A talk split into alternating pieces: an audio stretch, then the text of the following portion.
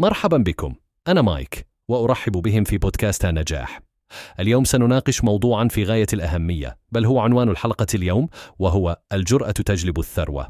كيفية تقبل الشجاعة؟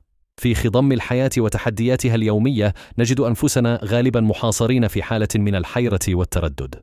هذا التردد قد يكون نتيجة الخوف من الفشل أو الخوف من عدم معرفة النتائج، لكن الجرأة هي التي تعطيك الشجاعة لتتحدى هذه الحواجز وتذهب خلف أحلامك.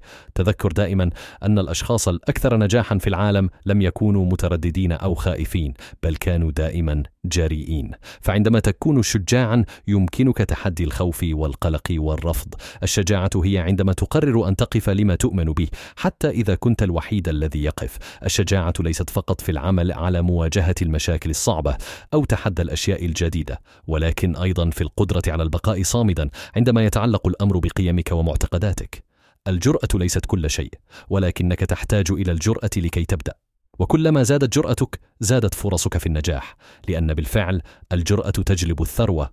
لذا كن شجاعا، كن جرأا، وابدأ في تحقيق أحلامك اليوم. تم. فأنا مايك وقد أنشأت هذا البودكاست مجانا باستخدام أدوات الذكاء الاصطناعي. تعلم كيف فعلت ذلك على mrc.fm/x إلى اللقاء في الغد.